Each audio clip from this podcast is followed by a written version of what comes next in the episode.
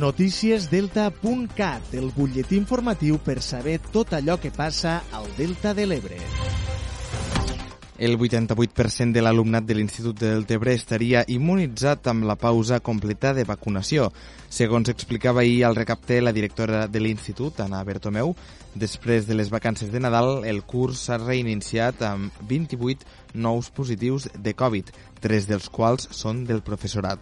Aquests nous contagis han provocat noves baixes i, per tant, des del centre estan a l'espera de professorat substitut per cobrir aquestes baixes durant el temps que s'hagin d'estar confinats.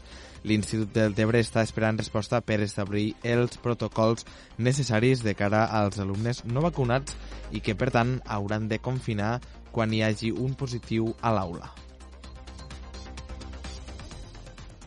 L'Ajuntament de Deltebre atorga gairebé 80.000 euros en ajuts socials al 2021.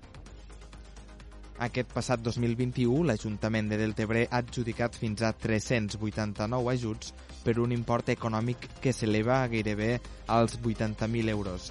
Aquests ajuts s'atorguen per fer front al pagament dels tributs municipals, per activitats extraescolars, per a l'accés a l'escola Bressol, per urgència social, per a la tarifa social de l'aigua i, finalment, per a l'Eurodelta, la moneda de Deltebre, impulsada també per dinamitzar el comerç local i de proximitat.